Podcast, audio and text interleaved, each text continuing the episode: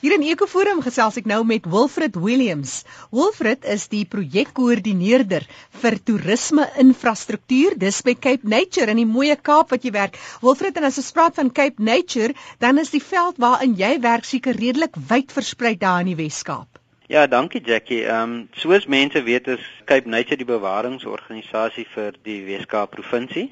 Ons het 42 natuurreservate binne in die provinsie waarvan 27 toerismefasiliteite het. So dis 'n verskeidenheid van ehm um, reservate van die Karoo, die Droë Karoo tot die Cederberg, die Weskus, die Tuinroete en die Oeverberg en ook die asemrowende Boland area tussen Wellington en Kleinmond. Met die pragtige fynbos en al daai mooi wynlande, né? Presies ja. Ons het ehm um, baie van unieke spesies in die Weskaap. Van ons reservate is wêrelderfenisgebiede verklaar en spesifiek um, waar se primêre produk is in Kogelberg is ook 'n wêrelderfenisgebied met 1500 unieke spesies van plante groei.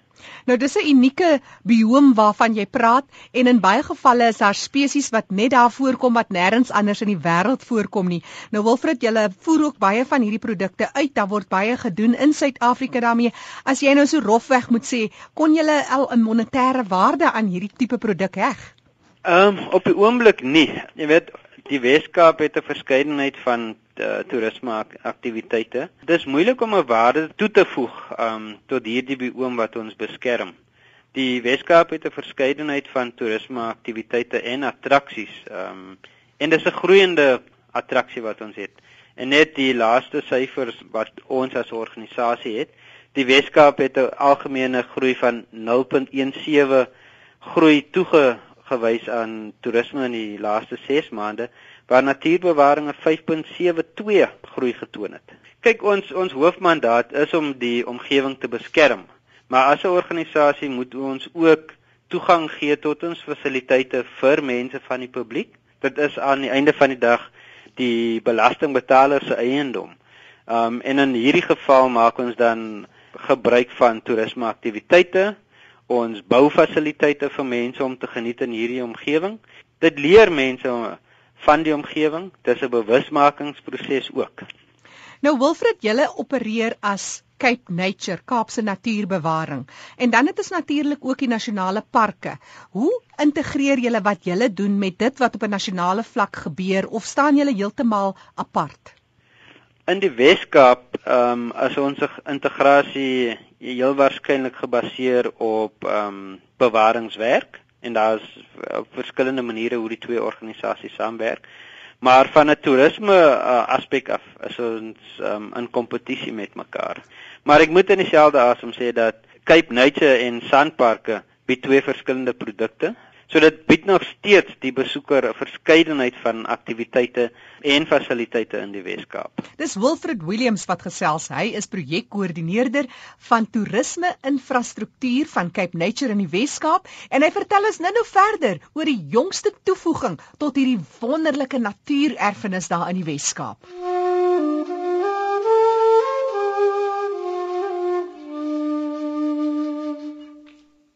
Die swarthoutboom kom in die kusstreke van die Wes, Suid en Oos-Kaap voor, asook langs die KwaZulu-Natalse kus.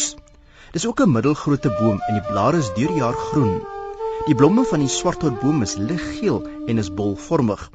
Die hout is geelbruin tot rooi en word baie gebruik vir die maak van meubels. Dis ook geskik as brandhout.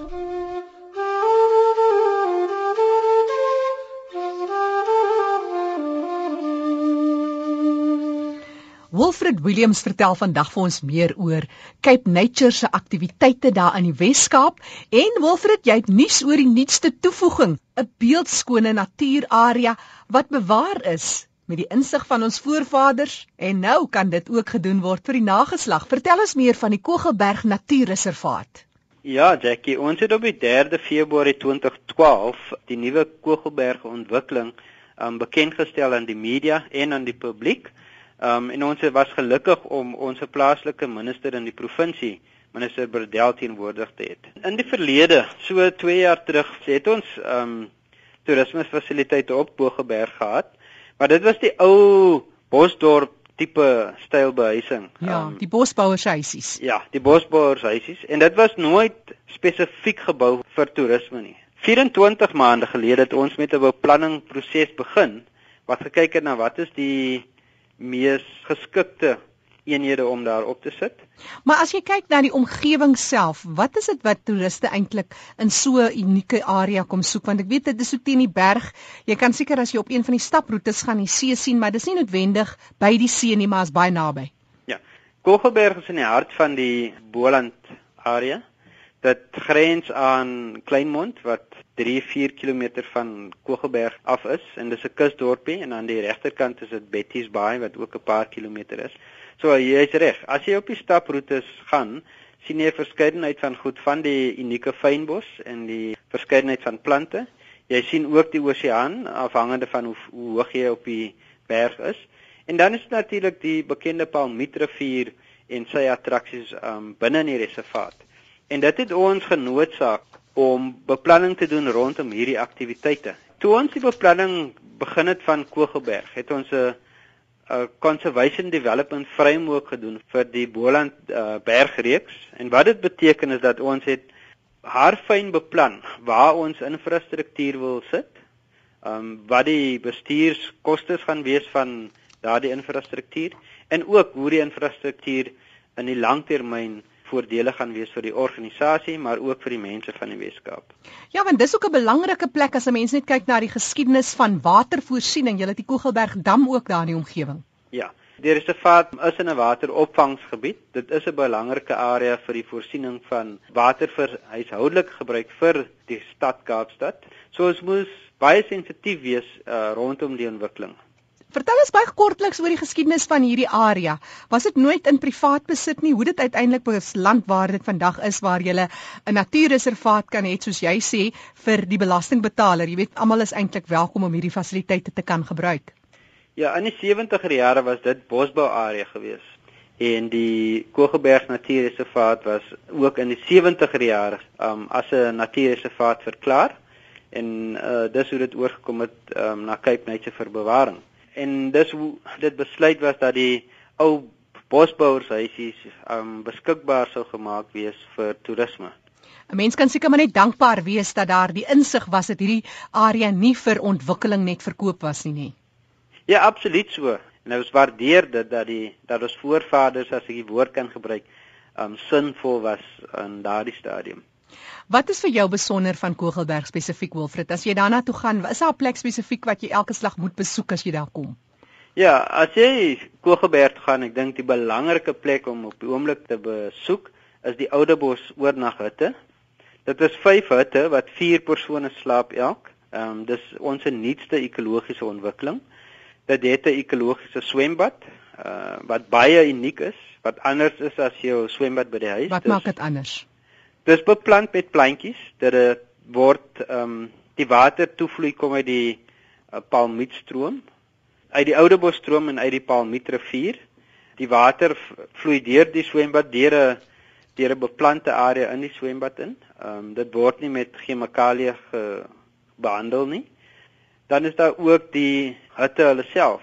Die ontwikkeling van die hutte het baie tyd en energie geverg van verskillende uh professionele um aanstellings van ingenieurs tot uh waterspesialiste, die argitekte en so aan.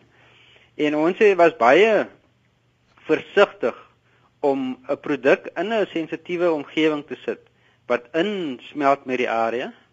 Binne in die reservaat self is daar diere, daar's altyd die luiperd, maar luiperd is 'n baie skaam dier, Skog, maar jy het ja. verskillende bokkies binne in die area.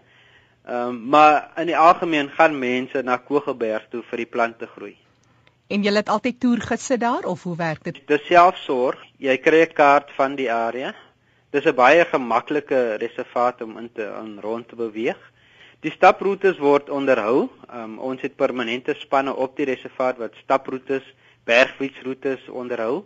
Maar ook die staproetes het voldoende aanwysings op um, om te verhoed dat mense verlore raak binne in die reservaat. En die wonderlike Wilfred is julle het ook konferensiefasiliteite daar. Ja, as deel van die nuwe ontwikkeling is daar 'n uh, konferensiefasiliteit wat tussen 30 en 40 mense um, kan huisves. Dis ten volle gemeubileerd. Binne in die konferensie uh, fasiliteit is daar ook 'n kombuis en mense kan hulle self versorg. Wilfred gee vir ons kontakbesonderhede. Waar kan 'n mens bietjie meer gaan kyk na prentjies, dalk oplees oor die hele omgewing en ook ontwikkelings wat julle doen? Al is dit nou nie net noodwendig Kogelberg nie, maar jy weet daar seker skakels van julle webtuiste na al die ander projekte. Ja. Ehm um, mense kan ons webtuiste besoek by www.capenature.co.za. En so gesels Wilfred Williams. Wilfred is die projekkoördineerder dis vir toerisme infrastruktuur vir Cape Nature en klink vir my Wilfred of jy en jou spanne wonderlike werk doen om dit so maklik as moontlik te maak vir mense wat die tipe natuurreservaat wil besoek. Ek herhaal gou-gou daai webtuiste wat jy kan besoek dis www.capenature.co.za